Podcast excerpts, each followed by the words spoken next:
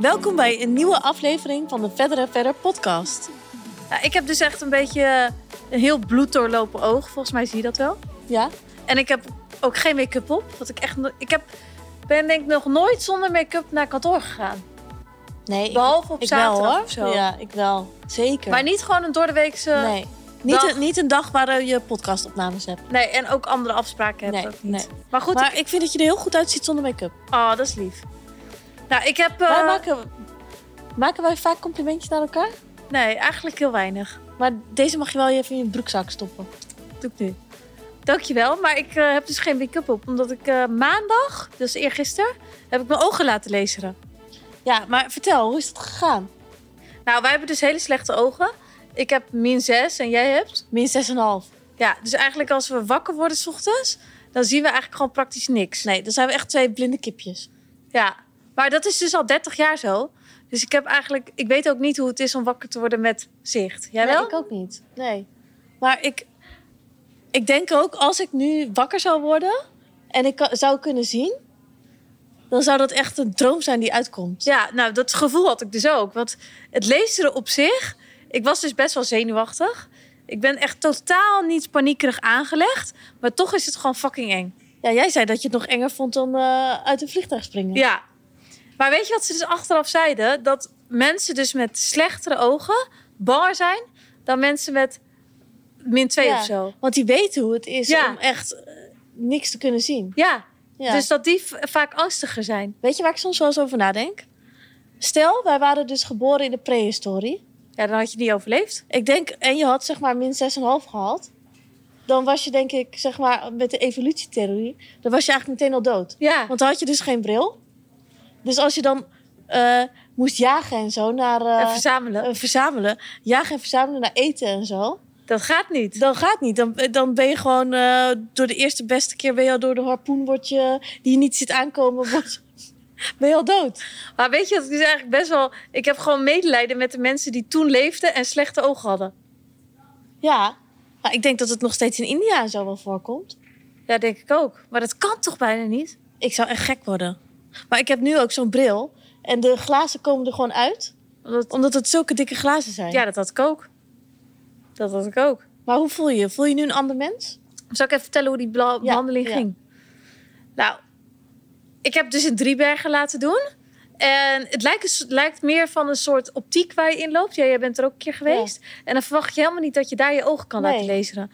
Maar er zit zo'n hele operatiekamer zit daarboven. En toen ik zo dat, die schort aandeed, toen werd ik wel echt zenuwachtig. Maar dat, achteraf zeiden ze ook dat ze dat al merkten, dat ik heel zenuwachtig Ja? was. Hoe dan? Maar dat heb Jij klapt dicht. gevraagd. Jij klapt dicht. Ja? Ja. Maar toen, dan word je dus met je hoofd word je dus in zo'n bolletje geklemd. Dus dat je niet kan bewegen en niet weg kan. En helemaal zo vastgezet. Dus je wordt met je hoofd gewoon helemaal zo vastgezet. Want als je natuurlijk beweegt, ja dat kan maar, natuurlijk niet. maar ik denk dat je het automatisme gewoon zo wil wegdraaien. ja. Dus, en dan word je, word je met een soort, hoe noem je dat? Klem. Ja? Wordt je oog zo helemaal opengesperd zo. En word je zo helemaal in dat bolletje gedrukt. Ja. Dat je echt, het doet gewoon pijn aan je, aan je oogkassen en zo. Dat doet echt heel erg pijn. Dus eh, je oog wordt helemaal zo open. Maar hoe lang duurt dat? Nou, dan gaan ze dan 10 minuten of zo, of kwartier. Maar dat wordt helemaal zo open. Dus ik denk dat je oogbol gewoon open ligt. Omdat je niks meer eromheen hebt. Dan gaan ze dus, dan zeggen ze dus, je moet eh, naar voren blijven kijken en je moet het groene licht volgen. Dus op een, op een gegeven moment dan zie je gewoon alleen maar kleuren. Dus je ziet gewoon niks meer van je omgeving, maar alleen maar kleuren lichten. Dus je denkt dat je blind bent? Ja, en dan moet je het groene licht blijven volgen. Op een gegeven moment zag ik het groene licht dus niet meer. Toen dacht ik, oh mijn god, dit gaat mis. Maar je mag dus ook niet praten. Dus toen dacht ik, oh nee, dit gaat echt niet goed. En dan valt je zicht helemaal weg. Dus maar waarom mag je niet praten? Wordt- dat je natuurlijk niet mag bewegen. Oh. Dan word je gewoon zwart voor je ogen. Dus Lijkt je oog ligt zo helemaal eng. zo open en je ziet niks meer. Maar het ging wel door je heen dat je dacht, ik ben nu blind. Ja, er gingen duizend en één gedachten door me heen. Ik dacht echt, waarom doe ik dit? Waarom maar, wilde ik Maar dit? vind jij je leven de laatste tijd niet heel gek? Want je hebt binnen één maand heb je en uit een vliegtuig gesprongen om te bungee of eh, wat was Ja. dat, skydiven, en je hebt je ogen laten lezen. Maar ik vond dit enger. ja, Die tien minuten lijken wel langer te duren dan... Het lijkt wel uren te duren. ik wil het wel ook echt hoor. Ja, nou en toen... eh, na een, het is dus een kwartier per oog, hè? Super kort. Ja. Nou, dus na een half uurtje ben je eigenlijk al klaar. Toen zo- leek het gewoon alsof er allemaal zand in mijn ogen zat. En toen... Maar ik zag al wel scherp. Dus dat is al gek. Maar dan, dan besef je nog helemaal niet wat je denkt. Oh, dat kunnen nog Ja. lenzen zijn of zo. Ja. Dus dat is nog niet heel gek. Maar toen was ik dus gaan slapen om vier uur 's middags. En toen heb jij nog bij me thuis gezeten, Ja. toch? Toen heb ik met Ismaël ge- eh, Surinaams gegeten. Ja, nou, ik heb niks doorgehad, Nee. omdat ik gewoon lag te slapen. En toen werd ik dus de volgende ochtend wakker. En toen ging ik zo even uit bed en even testen. En ik zag gewoon goed. Dat lijkt me zo intens en de pijn raar. was ook helemaal weg. Lijkt me heel raar. Echt heel raar. en hè? hoe lang mag je nu geen make-up op? Ja, een week. Dat vind ik dus best wel lang. Maar ik vind je echt goed eruit zien hoor. Dus Ja. ik zou echt. eh, Maar alleen geen oogmake-up neem ik aan, toch? Ja, nou, ze zeggen ook wel uitkijken met omdat de viezigheid. Je, je wil niet dat de viezigheid in je ogen komt. Dus als je ook op je wangen en zo, als je dus dik foundation op Oh hebt, ja. dan dat merk je met je Maar je lens wel je wenkbrauwen. Ja, maar anders dan ben ik een albido. maar dat vind ik... Ik eh, maak voor mezelf het uitzondering niet. Ik denk als de oogarts dat, eh, dat ziet, dan is hij daar niet mee eens. Nee, ik denk het ook niet. Nee. Maar wat ik dus wel het als enige nadeel zou kunnen vertellen...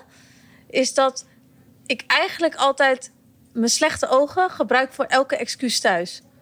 Dus als ik dan het licht uit moet doen, waar ik geen zin in heb... oh, uit bed moet het licht uit doen... Zeg ik, ja, ik zeg niet, ik kan niks zien, ik ben blind, doe jij het even. Nee, ik heb mijn lens al uit. Ja, Zeg ik heb mijn lens al uit, Ja. ik kan het niet zien. Ja. Dus dat is altijd mijn beste excuus Ja. die ik kan gebruiken. En die heb ik nu niet meer. Ja. Dus dat is een nadeel. Oké, maar ik, ik zet hem nog wel in. Dus als wij de volgende keer eh, met z'n tweeën op een hotelkamer liggen, dan zeg ik: Doe jij het even, ik heb mijn lenzen nog in. Ja. Eh, al uit. Ja. Ja. Oké. Maar, eh, en een ander Zeg ik nadeel. flikker aan het op, ik weet hoe het voelt. En een ander nadeel: het is wel dat je er even voor moet sparen. Ja, ik, vind, ik eh, sta ik nu echt laag op mijn, op mijn rekening. Van de Ja. rip uit mijn lijf. Ja. Dus ik hoop dat ik er echt zo blij mee ben dat, dat het allemaal waard ja, is. het is wel gewoon een investering voor je toekomst uiteindelijk. Maar het is wel eventjes een eh, Ja. investering. Ik heb er echt voor gespaard. Ja. Maar weet je wat vroeger ook echt een rip uit ons lijf was? Nou, Een spijkerbroek. Weet je nog? ja, ik weet nog wel dat we in de appelflappenfabriek werkten. En dat ik dacht, hoe lang moet ik wel niet werken voor één spijkerbroek? Want ik verdiende 3 euro per uur of zo. Ja, en op een gegeven moment kregen we dan wel 80 euro kleedgeld per maand. Ja. Of gulden. Wat was het? En daar kon ik niet eens één spijkerbroek van kopen. Nee, maar naar welke winkel gingen we toen om een spijkerbroek te kopen? Coolcat. Coolcat. Maar goed. En jij zei het al, of eh, nou ja, jij zei het al tegen mij. Eh, je zei van, als je vroeger had verteld dat wij de oprichter van Coolcat ooit in onze podcast zouden kunnen uitnodigen, had je het niet geloofd. dat wij ten eerste dat we überhaupt een podcast zouden Ja. hebben, had ik al niet geloofd. En dat we dan ook nog hem erin zouden Ja. hebben. Maar we hebben dus nu een hele vette gast in de Ja. podcast. En dat is dus de oprichter van Coolcat. Maar ook, hij heeft ook American Today, Ja. MS-mode. MS-mode. In de retail is hij denk ik wel echt een van de grootste namen. Ja. Ik zie hem ook echt wel als een voorbeeld op het gebied van ondernemen. Het is, Maar ook op de manier waarop hij het doet. Want Ja, het lijkt en- gewoon alsof hij het effortless doet. ja, en ik denk dat het wel een ondernemer is van het eerste uur.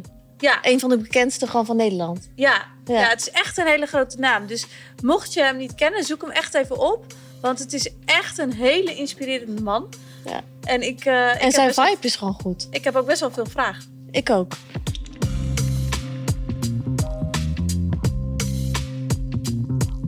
Vandaag hebben we weer een hele interessante gast. En ja, deze kennen we ook alweer iets langer. Ja, Want we hebben een keer een clubhouse met hem opgenomen. En bestaat het eigenlijk nog?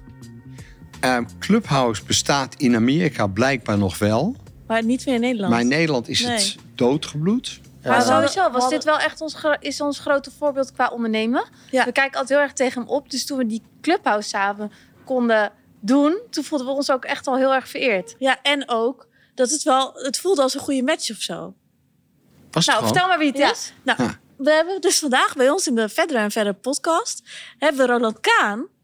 En eh, nou, ik ben eigenlijk gewoon heel benieuwd naar zijn ondernemersverhaal. Ja, nou welkom bij ons in de podcast. Superleuk dat je er bent. Misschien kan je jezelf ook even kort intro- introduceren. Ja, zeker weten. Ik ben eh, Roland Kaan. Ik ben, eh, ehm, ach, kom uit een echt ondernemersgeslacht. Mijn opa kwam uit Berlijn en die had eh, voor de Tweede Wereldoorlog al een rokken- en blousefabriek. En die is naar Nederland gekomen en is in 37 weer opnieuw een rokken- en blousefabriek begonnen. En die is door de Duitsers gestopt. En in 1945 weer voor de derde keer een rock- en blousefabriek begonnen. En mijn andere opa kwam uit Frankrijk. Eh, dus ik, ben, ik heb nog steeds een Frans paspoort, maar ook een Nederlands paspoort. En ehm, die importeerde stoffen. En na de Tweede Wereldoorlog ehm, zocht mijn opa, was enorm tekort aan stoffen. Zocht mijn opa van Mendelssohn, van mijn moeders kant, die dus die fabriek weer opnieuw startte, die zocht stoffen. Eh, mijn vader kwam met zijn vader terug uit Frankrijk. Die gingen weer stoffen in- uit Frankrijk importeren. En kwam mijn vader langs. En eh, mijn vader eh, werd verliefd op de dochter van, van, de, van de fabrikant. Ja. En dus toen is hij bij zijn schoonvader gaan werken. Dus eigenlijk komen wij al heel lang uit die confectie. Ja. Mijn vader eh, heeft het niet zo goed gedaan. Mijn opa was een hele goede zakenman. Mijn andere opa ook. Maar mijn vader was een, ja, een dromer en ook wel een oorlogsslachtoffer. Was natuurlijk eh, Oh ja. geboren in 28. En ehm, die heeft ja, toch wel een, ja, een psychische tik van de oorlog gehad. Heftig. Ja. En ja, eh, mijn vader is failliet gegaan toen ik 16 was. Toen had ik een klein brommertje. Nou ja, en die had mijn vader niet betaald. Dus toen heb ik, de- moest ik een baantje zoeken om mijn scootertje, om eh, mijn mijn eh, brommertje terug te verdienen. Ja. En ehm, toen ging ik in een boutiqueje werken op de Nieuwe Dijk. En toen dacht ik, ja, dit is het. Dit is zo verschrikkelijk leuk. Ja. Maar wat voor Ik sta was gewoon eh, met, met mijn 16 jaar in een winkel. En mensen komen vanuit heel Nederland op de Nieuwe Dijk. En ik heb dus de hele vakantie in dat boutiqueje gewerkt. Het scooter, dat brommetje terugverdiend. Wat voor boutiqueje was dat? Dat was een, ja, dat, wa- dat moet je je voorstellen. We praten over 1968. Ja. Ja. Ja, dus ja, dat waren ehm, ehm, broeken, corduroy broeken die verkocht werden. En het waren eh, het begin van de denim. Levi's begon op te komen, heel langzaam. Ja. Dat was, ja, dat, dat, maar ook bijvoorbeeld krijtstreeppakken. Die dan Oh. verkocht werden met eh, lila overhemden en gele sokken. Ja, je kan het je niet voorstellen Ja. wat een wansmaak. Ja. Maar eh, en die, die, die, zo'n zo'n eigenaar van zo'n boutique had geen idee. Had natuurlijk nooit echt leren plannen of leren. Die was Ja. gewoon vanuit passie zo'n winkel begonnen. Ja. En, en ja, ik heb verkocht het hele magazijn leeg. Er hingen allemaal verkeerde spullen. En ja, dan kreeg, kreeg ik een bonus van twee gulden voor ieder verkeerd eh, pak dat ik verkocht. Of, eh, het was in die tijd. Dan ging ik, eh, mijn basissalaris was 10 gulden. Maar ik ging haast geen zaterdag onder de 25 gulden. Wat natuurlijk in die tijd voor een Ja, jongetje van ja. 16 Ja. heel veel geld was. Weet je? Dus, dus ja, ik, ik dacht, nou, dit is het gewoon. Ik ga een winkel beginnen. En toen kwam ik terug op het Amsterdam Lyceum na die vakantie.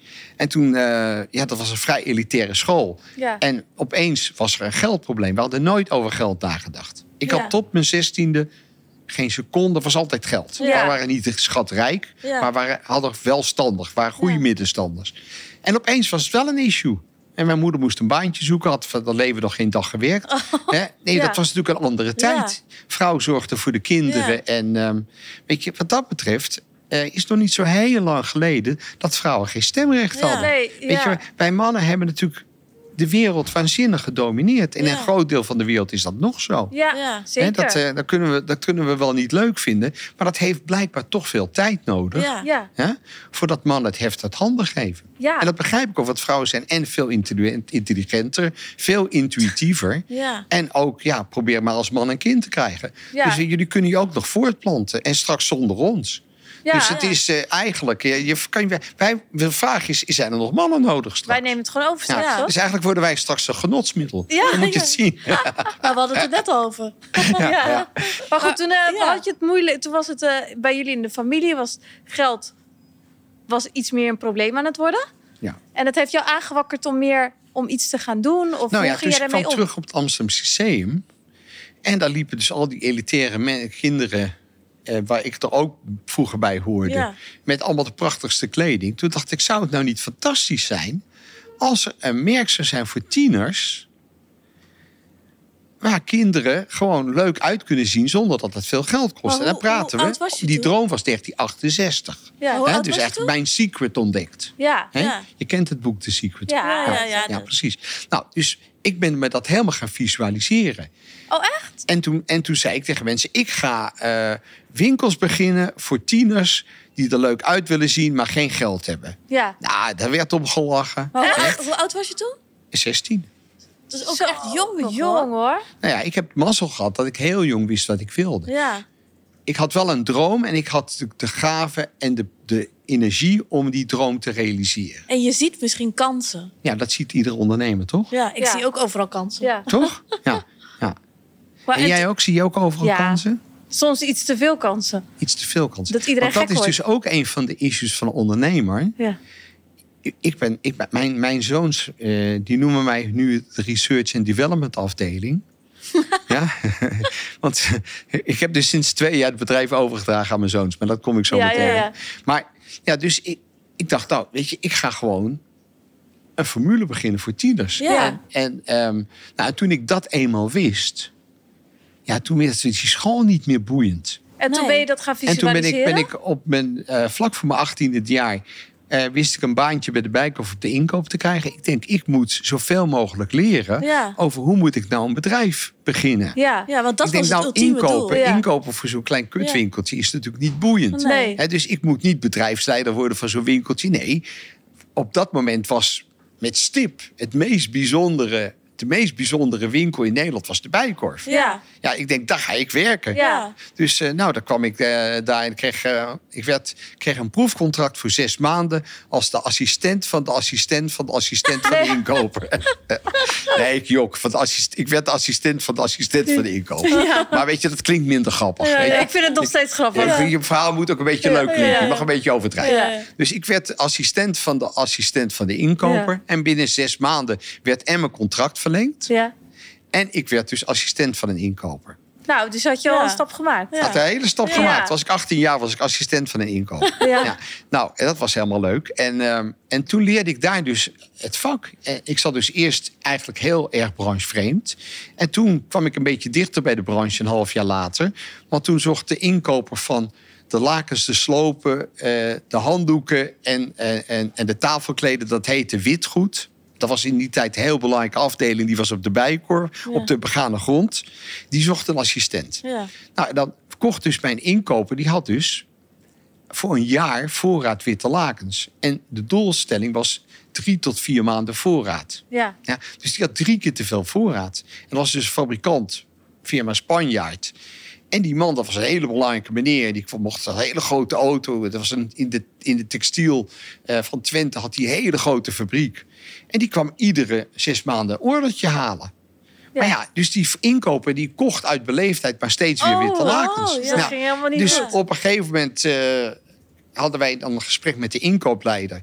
En die zei, nou meneer Van der Wald, zo heette die inkoper... u heeft een jaar lang voorraad witte lakens. Ja. Hoe komt dat? Ja. Ja, zei de meneer Van der Wal, ja, het, het- ze lopen minder goed dan ik dacht. Ja. Ja. Oké, nou, maar drie weken later staat die eh, man er weer. Die Ja. stond beneden, eh, die werd aangemeld door de portier. eh, die firma Spanjaard staat. Ik zei, meneer Van der Wal, als u nou nog één wit laken koopt... Ja, ja, ja. ja, ja, dan ga ik nu van mijn plek af en dan ga ik naar uw inkoopleider. Ja. Ja. en dan ga ik u verraden. Ja. Dus die fabrikant komt hij, en die en inkoper die zegt: Ik mag van die jongen. Ik mag van die jongen geen lakens kopen. Ja, Kom, we gaan een kopje koffie in de winkel drinken. nou. Maar hij was zo blij dat ik hem gered had. Ja. dat vanaf dat moment liet hij mij de hele voorraad plannen. We Oh. hadden in no time, ik denk binnen een jaar, had ik gewoon 30% minder voorraad. Wat Dus, goed. ja, dus, ja. eh, dus ik, hij, ik kreeg dus een heleboel ruimte als heel Ja, jong jongetje. Om, ja, om die hele cijfermatige structuur, die hele logistieke planning van die voorraad voor elkaar Ja. te krijgen. En ik ben heel cijfermatig. Ja, omdat kijk, hij kon, het, hij kon het in ieder geval niet. Ja? Dus weet je, we hadden niet zoveel keus. Weet je? Dus, Je kon het in ieder geval beter. Nou ja, en toen zag die inkoopleider, die denkt, nou, dat, dat is een slim gastje. Ja. Ik heb trouwens een heel gaaf boek geschreven. Dat ik jullie straks ga geven. ja, die wil ik echt zeker lezen. Ja? Ja. En dat heet Kaan, mijn leven, mijn liefdes en mijn werk. En eh, dat gaat dus over al die bizarre jaren die ik heb doorgemaakt. Vanaf dat ik in het Franse leger eh le toerist was. Ja. Als Nederlander in het Franse leger. Ja. Eh, maar en het boekje is voor het AVL, Antonie van Leeuwenhoek. Ja. Dus de totale opbrengst, minus de drukkosten, gaan naar, de, Wat gaan naar het, Oh, gaan naar mooi, Antonie ja. van Leeuwen. En ik hoop daar 100.000 euro mee op te halen. Dus ik Nou, moet nog een heleboel boekjes helpen. verkopen. Ja. Ja. Maar jullie mogen een gift doen als je wil, maar je krijgt het boekje. Oké. Ja? Ik wil, En- ik wil ook lezen. Ja, dus jullie kunnen, ik heb een speciale QR-code. Ja. Dus ik, ik geef ook wel boekjes weg. Ja. Maar dan geef ik meestal mijn gasten die mijn boekje krijgen een QR-code mee. En dan mogen ze op die QR-code storten wat ze willen. En of het geld nou via de QR-code voor mijn actie binnenkomt... of het komt via de verkoop van boekjes binnen. Dat is slim. Leuk. Ja, ja. maar ik ben inmiddels een veel gevraagde... eh, mensen vinden het heel leuk om eh, met mij te praten. Ja, Eh, wij ik, dus ook. ik, ik Ja. krijg vijf mil voor een spreekbeurt. Ja. En dat doe ik ja, best wel één of twee per maand. Ik wil er ook niet meer dan twee doen per Nee, maand. ja. Want je moet ook niet eh een soort professionele spreekbeurter worden. Want dan eh, wordt het ook weer zo afgezaagd. Ja. Je moet wel een beetje creatief blijven. Ehm, maar ja, dan bellen ik heel veel ondernemers Nee. benaderen mij. Kun je Ja. niet, eh, heb je niet Ja. tijd voor een kopje koffie? Dan zeg ik, ja, ik heb wel tijd voor een kopje koffie. Maar ik, heb, moet nu boekjes verkopen. Ja. Dus als je nou 50 boekjes van me afneemt... Dat is slim. Dan, eh, dit, dat kost je 1000 Ja. euro. Nou, dan kom je bij mij koffie Ja. drinken. Nou, Ja. ik heb de afgelopen drie weken 600 boekjes verkocht aan ondernemers. Wat goed. Dus Ja. en, eh, ja ik, en, en bij 100 boekjes kom ik ze brengen. Dus dat is 2000 euro. Oh. Nou ja, terwijl ik voor een spreekbeurt 5000 euro Ja. was. Dus nog steeds hartstikke goedkoop, Ja. toch? En dan heb je ook nog die boekjes. ja, dat is leuk. ja. Maar uiteindelijk ben je dus Ja. bekend geworden met Coolcat, toch? Kunnen we Ja, dat zo ik zeggen? ben, ik ben Ja. in toen ik ben in ik werd in 75 eh, ik ben dus in militaire dienst ben ik teruggekomen en toen heeft hij toen ging het de Bijkorf het filiaal in Arnhem openen. Toen heb ik me aangemeld voor die projectgroep om dat filiaal te openen. Ik denk, dat wil ik ook meemaken. Ja. Wat gebeurt er nou? Wat is er al, moet er allemaal gebeuren om een winkel te Ja, openen? ja. Nou ja, dat was natuurlijk spectaculair. Ja. En eh, heel Arnhem liep natuurlijk eh, op zijn achterste benen dat er een Bijkorf kwam. Want het zat tot nu toe alleen maar in Amsterdam, Den Haag, Rotterdam, Eindhoven. Er waren vier bijkorven. Dat werd de vijfde bijkorf. Dus ehm, ik denk achteraf was Arnhem niet de beste plek. Maar oké, Ja. ehm, ik heb daar waanzinnig veel van geleerd. En toen Ja. ging die inkoopleider, die natuurlijk wist dat ik een bij de hand mannetje was... die heeft mij toen zijn assistent gemaakt. En toen werd ik psychologisch getest. Zou ik de jongste inkoper in opleiding van de bijkorf worden. Op 23-jarige leeftijd. Dat is wel al heel knap. Toen dacht ik, it's now or never. Ik Ja. moet de winkel beginnen. Ja. Nou, en toen ben ik een heel klein winkeltje op de Nieuwe Dijk begonnen. Ja. Ik had niet eens genoeg geld om de naam te veranderen. Ik had genoeg geld voor drie weken voorraad. ja. En nou, drie weken voorraad is echt heel weinig, Ja, weet ja, je. ja. maar het flik, flikte het wel. Ja. Maar hoe heette die winkel? Privé. Ik had, kon niet eens de naam veranderen. Dus ik heb een winkel gekocht Ja. met naam, bondboekjes, plastic Oh, tassen. ja. Gewoon de hele ruimte. Ja. hoeft alleen de kleding Ja, erin te ja, hangen. ja. En ik, de eerste dag zet ik 1200 gulden om. Ja. En ging op de vloer liggen. Moet je nagaan, de bijkorf verdiende ik 1200 gulden in de maand. Ja. Dat zet ik opeens in één dag Dat om. ik ook veel. Ja, en eh, ja, ik voelde me de koning. Ja. En ik had binnen een half jaar een tweede winkel. Binnen een jaar een winkel in de Kalverstraat. En binnen een half jaar had ik de tweede winkel in de Kalverstraat. Dus ik was anderhalf jaar bezig, had ik vier winkels. Maar wat Ja. voor winkels waren dat toen? Ja, eh, van alles. Eh, mijn eerste winkel was dus privé. En ik ging dus iedere, drie we iedere week ging ik op inkoop. Want Ja. ik had geen geld. Ik moest meteen kopen, Ja, weer verkopen, kopen, weer Ja. verkopen. En op een gegeven moment gingen mensen mij dus na een paar weken krediet geven. Ja. En als je iets in drie weken verkoopt, maar je betaalt het in vier weken, heb je dan nog geld nodig? Nee, ja. Ja. Nee, hou je geld Ja, over. ja. Dus kon ik een tweede winkel Ja. openen. Kon ik een derde winkel openen. Dus ik heb eigenlijk, doordat ik zo enorm goed kon rekenen... en zo'n enorme lage voorraad had... en toen ging ik dus praten met de voorloper van de ING. Dat heette toen de Nederlandse Kredietbank. Ja. Ja. En die zei, nou, uw bedrijf bestaat niet. Het bedrijf bestaat niet. Nee, we hebben hier allemaal modellen.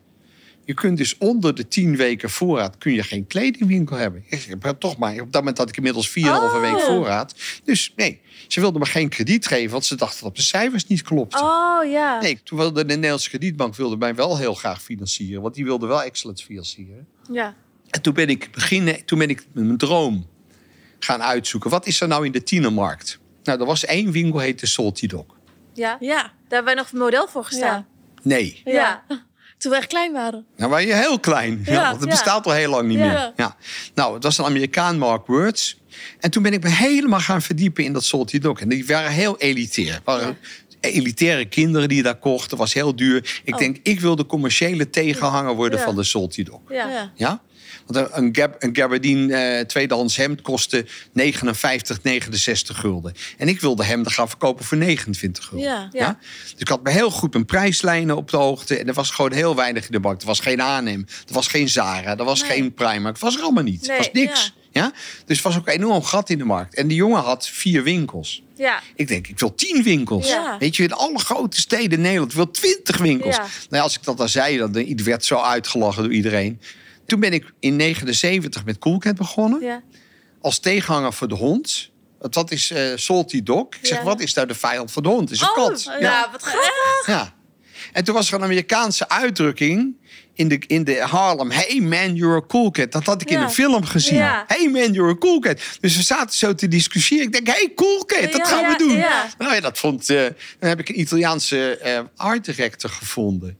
Die maakte... eh, ik was toen net een Italiaan tegengekomen. Ik was inmiddels ook aan het inkopen in Italië. En die jongen die heette Gianluca. En die maakte jeans die heette Trader. En dat was een broek die eh, in Italië produceerde die dat in Zuid-Italië. Was toen nog redelijk goedkoop. En die jongen die had hele goede smaak. Ja. En dat werd een hele goede vriend van me. We gingen samen in Parijs shoppen. En we liepen bij een winkel binnen eh, van een designer. Die heette Marité en François Girbeau. Ik weet niet of jullie daar wel eens van gehoord Nee. hebben. Nou kan je daar gaan. Dat was toen helemaal hot. Ja. Marité en François Girbeau. Ja. En die had een broek. En die was strak hier. Karot. En heel strak aan de onderkant. Ja.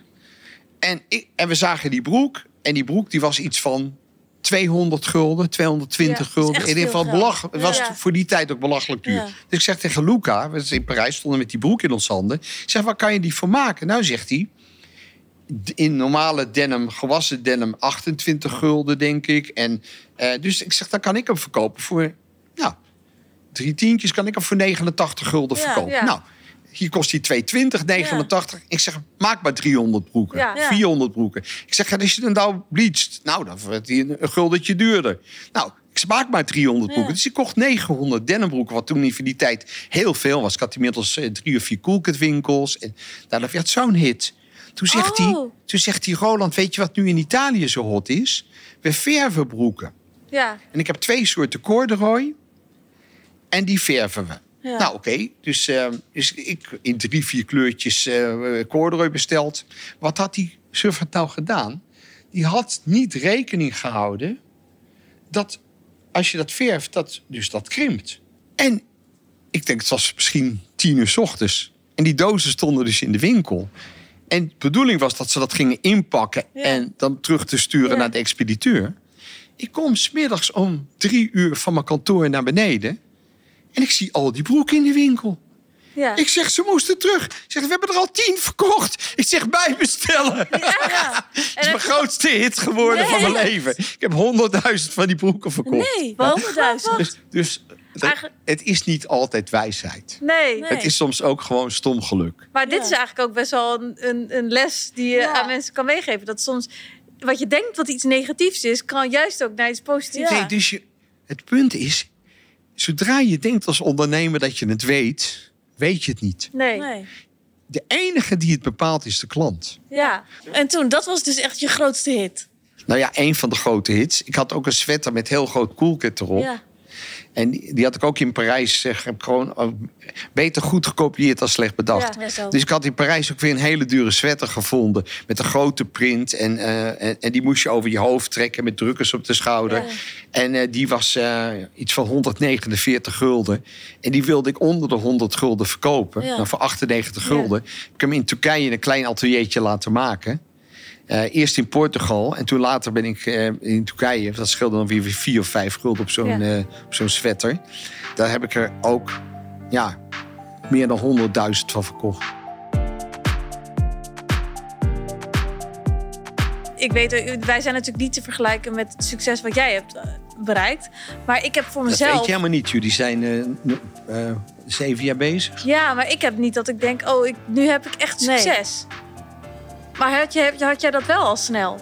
Maar dat had ik iedere keer. Ja? Ja? Nee, ik geloof dat je ieder succes moet vieren. Juist Ja, de doe je kleine dat ook wel? succesjes. Maar ja. hoe deed je Nee, dat maar dan? dan moet je je voorstellen, hè? Jullie zijn nog allebei geen moeder.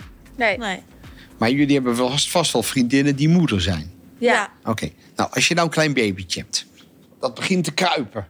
Dus die eerste stapjes. Ah, goed gedaan. Dus je, je, je, een kind en een mens stimuleer je door hem continu te belonen. Ja. Ja. En, die, en, en dat, wat doen wij? We zijn iedereen continu aan het afzeiken. We zijn één hele grote afzeikmaatschappij. Ja. Ja. Daar wordt helemaal niemand blij van. Nee. Nee. Weet je, we worden niet blij van dat alles misgaat en alles weer fout gaat en weer een commissie die iets onderzoekt. Weet je, het gaat erom, nee, dingen gaan goed en dingen gaan fout. Wat gaat er fout? Wat kunnen we ervan leren? Ja. verbeteren het. Hè? Ja. We stoppen. Ik heb eh, eh, daar een ritme voor bedacht. Stop, look, see, correct action. Stop, look, Ja. see. En waarom zeg ik look, see? Je kunt wel kijken, maar dat wil nog niet zeggen dat je het ziet. Ja. Nee. Hè? Dus je moet stoppen, je moet kijken wat is de situatie. Ja. Zie ik wat er aan de hand is? Dan volgt er een correctie en dan ga ik door. Ja. En dat is wel het ondernemers, dat je dat heel erg doet. Ja. En Absoluut, ik toch? denk dat de massa die afzeikt, die vindt het altijd makkelijk om af te zeiken de mensen die het wel doen. Snap je? Ja, En dat ge- is jammer. Maar, maar als, als jij, als ik bezig ben met mijn energie, met iets voor mijn klanten te doen, Ja. ja, wat doe ik dan? Dan ben ik bezig met een creatief proces. Waar ik beter van word en de klanten worden er beter van. Dus mijn medewerkers worden er beter van. Ja. Maar als jij nou bezig bent met je te richten op een ander, die ander af te zeiken. Waar gaat die energie dan naartoe? Nou, die andere. Ja. Bingo! Ja. Ja. dus wat gebeurt er? Ja. Jij staat met lege handen, Ja. die ander krijgt die energie. Want Ja. het universum weet het verschil niet tussen negatief en positieve energie. Het universum voelt energie. Ja. het universum is energie. Ja. Alleen die afzeikers, ja, die azijnpissers, ja, die zitten alleen nog maar met shit. Ja. Dus Ze, eigenlijk ze zijn gewoon... shit, ze brengen shit uit. Ja. En ze zijn dus ook de hele dag jaloers Ja. op mensen die wel wat doen. Ja. Maar ze helpen ons ook nog met hun energie, Ja. zonder dat ze dat in de gaten hebben. Dat is wel een goede Maar manier om moet je ernaar dus te kijken. niet focussen op negatieve energie dus.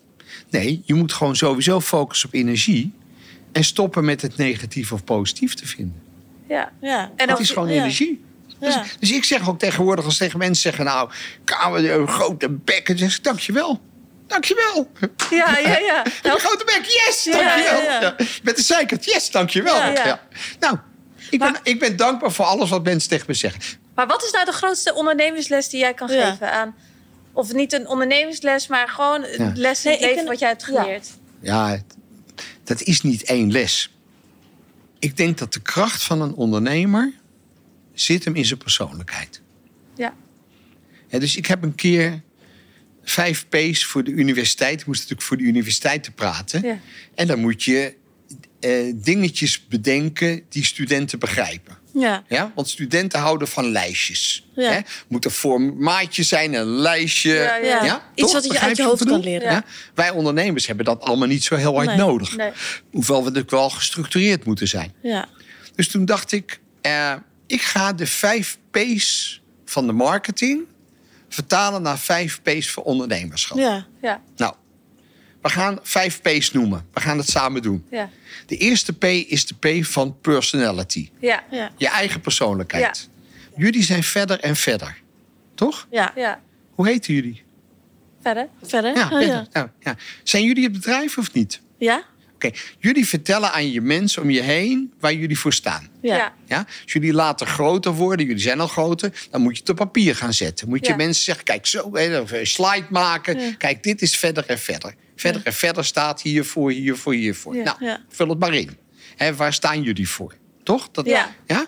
Jullie hebben een bepaalde visie. Ja. Ja? Die visie komt voort vanuit jullie persoonlijkheid, of niet? Ja. Ja, bingo toch? Ja. dus Ja. de eerste P van ieder bedrijf is persoonlijkheid. Ja. Maar dan moet je iets creëren. Ja. Een product. Wat is de ultieme scheppingsdrift? Om het product te maken, dan moet je een bepaalde Passie. potentieel hebben. Oftewel potentie. Potentie, ja. Ja, dus de potentie, oftewel de ultieme scheppingsdrift. Ja. Ja. Ja? Maar scheppingsdrift begint niet met een P. Ik had Ja. eigenlijk scheppingsdrift moeten zetten. Ja. Maar omdat ik vijf P's wilde maken, Ja, heb ja. ik het potentie genoemd. Ja? De, de, kijk, met potentie kan je scheppen, kan je creëren. Ja, dus dan heb je iets gecreëerd. Ja. Ja. Ja, jullie hebben een collectie gemaakt. Gaan mensen kopen. Dan denk je, hey, dat verkoopt heel goed. Dan ga ik er twee of drie varianten maken die daarop lijken. Ja. Hè, toch? Ja. Werkt het zo? Ja, ja, ja. Ja, zo werkt het bij mij ook. Zo werkt het bij jullie ook. Het is haast allemaal hetzelfde. Ja, Ja, ja. We doen het alleen net even anders. Ja? Nou, dat is dus de tweede P. Dus we hebben de P van personality en de P van potentie. Ja. Ja. Wat is de derde P? Wat heb je nog meer nodig als ondernemer? Ja, ik dacht passie. Ja, bingo! De, P is de P van passie, absoluut. Ja. Dus de, we hebben de P van personality, de P van potential en de P van passie. Ja. Maar je hebt ook nog een heleboel drive nodig. Ja. Hoe zou je dat noemen? Ik heb Power! Power! Een heerlijk woord, Ja, ja, ja, power. ja, ja. Ja. I got the power. Ja, ja. Ja. Nou, dat is de vierde P, Ja. de P van power. Ja. Ja. Ja?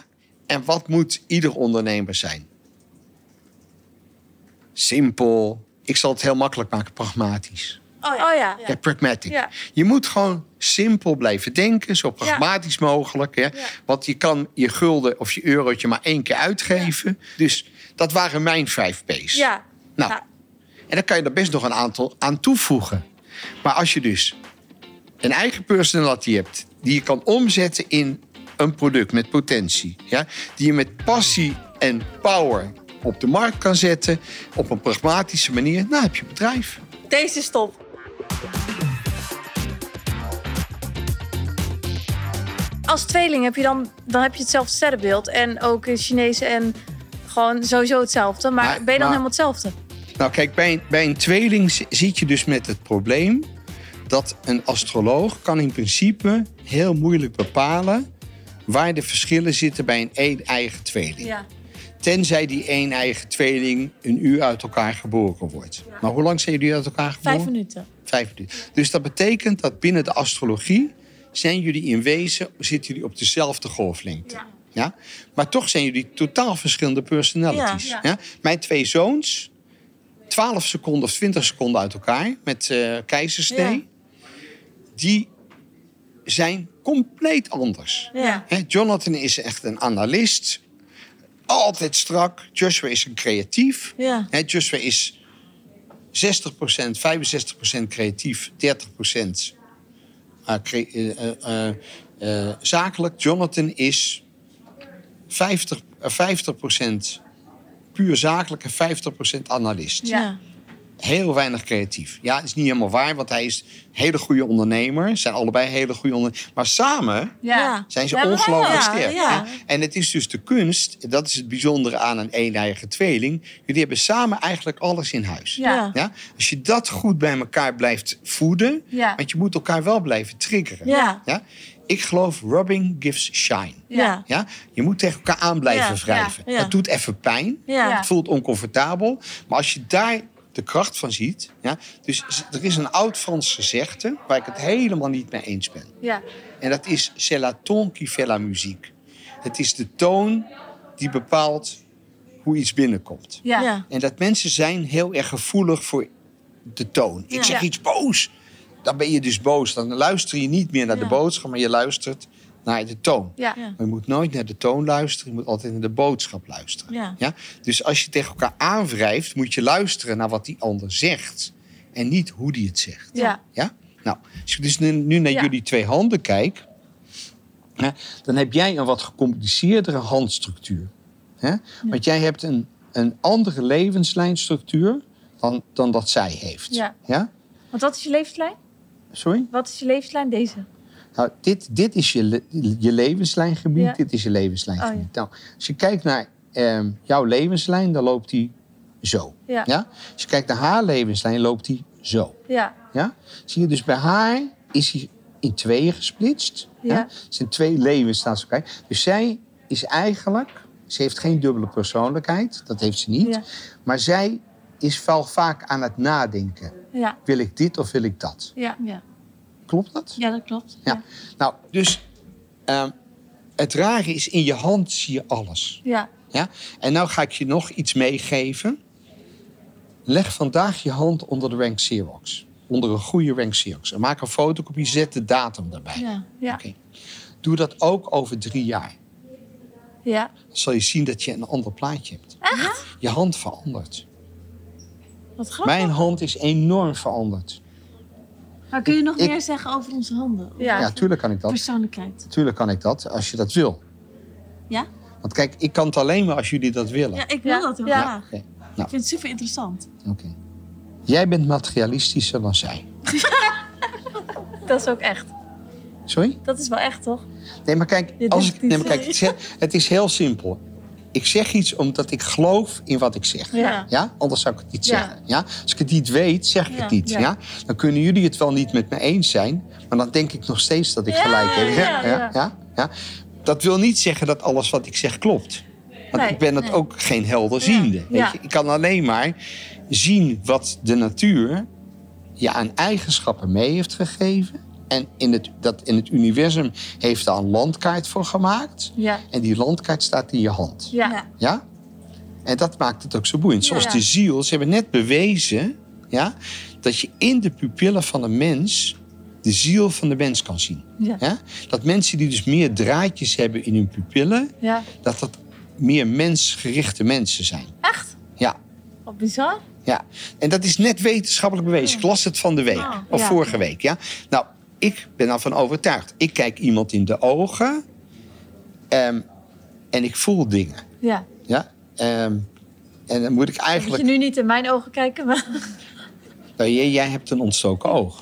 Ja, maar ik kan ik nog heb mijn steeds... ogen gelezerd. Wat? Ik heb mijn ogen gelezerd. Je hebt je ogen gelezen. Ja, was, had bij, was bijziend. Ja. Maar dan begrijp ik wel dat jij nog een beetje bloederig oog hebt. Ja. Ja. Ja. Maar het is heel snel en het is geweldig. De volgende dag zie je zo geweldig. Ja, ik heb het maandag gedaan. Wauw, Ja. wat stoer.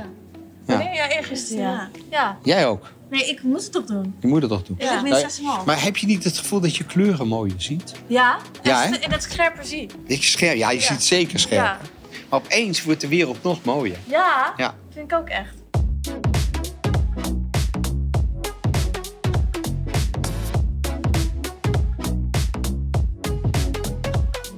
Ik wil jullie nog graag één ding meegeven. Nou, Sommige mensen zijn zo arm, het enige wat ze hebben is geld.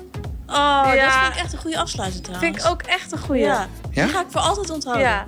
Ja? Ik nou, vind je dankjewel. echt een Wat heel lief. bijzonder Ja. persoon. Ja, Nou, heel erg bedankt voor je komst. dank jullie wel. Ja. Nou, Es, wat vond je ervan? Weet je wat ik echt zo grappig vond om te horen? Dat de Schoolcat dus, dat hij die naam gewoon zelf bedacht Ja. heeft. Want daar denk je eigenlijk nooit over na. En dat dat dan weer een tegenhanger was van Salty Dog. Ja. En dat hele verhaal erachter. Ja. En weet je wat ik ook wel leuk vond? Dat hij eigenlijk ook zo spiritueel is. Ja. Ja. En dat hij op zo'n jonge leeftijd al bezig was met eh, visualiseren. Want dat deed hij dus vanaf zijn zestiende eigenlijk al. Want toen zei hij al van... Ik wil een eh, kledingwinkel hebben waar goedkopere kleding in, voor jongeren Ja. te vinden is. Maar dat betekent dus wel dat het echt werkt. Ja, Dat dit wel zolang, weer de, de proof is. zolang je er echt, echt zelf in gelooft, dan werkt Ja. het. En hij heeft zelf ook een tweeling. Dus Ja. hij, je merkte ook wel dat hij daar affiniteit mee had. Ja. Echt heel leuk. ja, heel inspirerend. Ja. Nou, heel erg bedankt voor het luisteren weer. Ja, En hopelijk tot de volgende keer. hopelijk. Sowieso. Sowieso. Dankjewel voor het luisteren. Doei!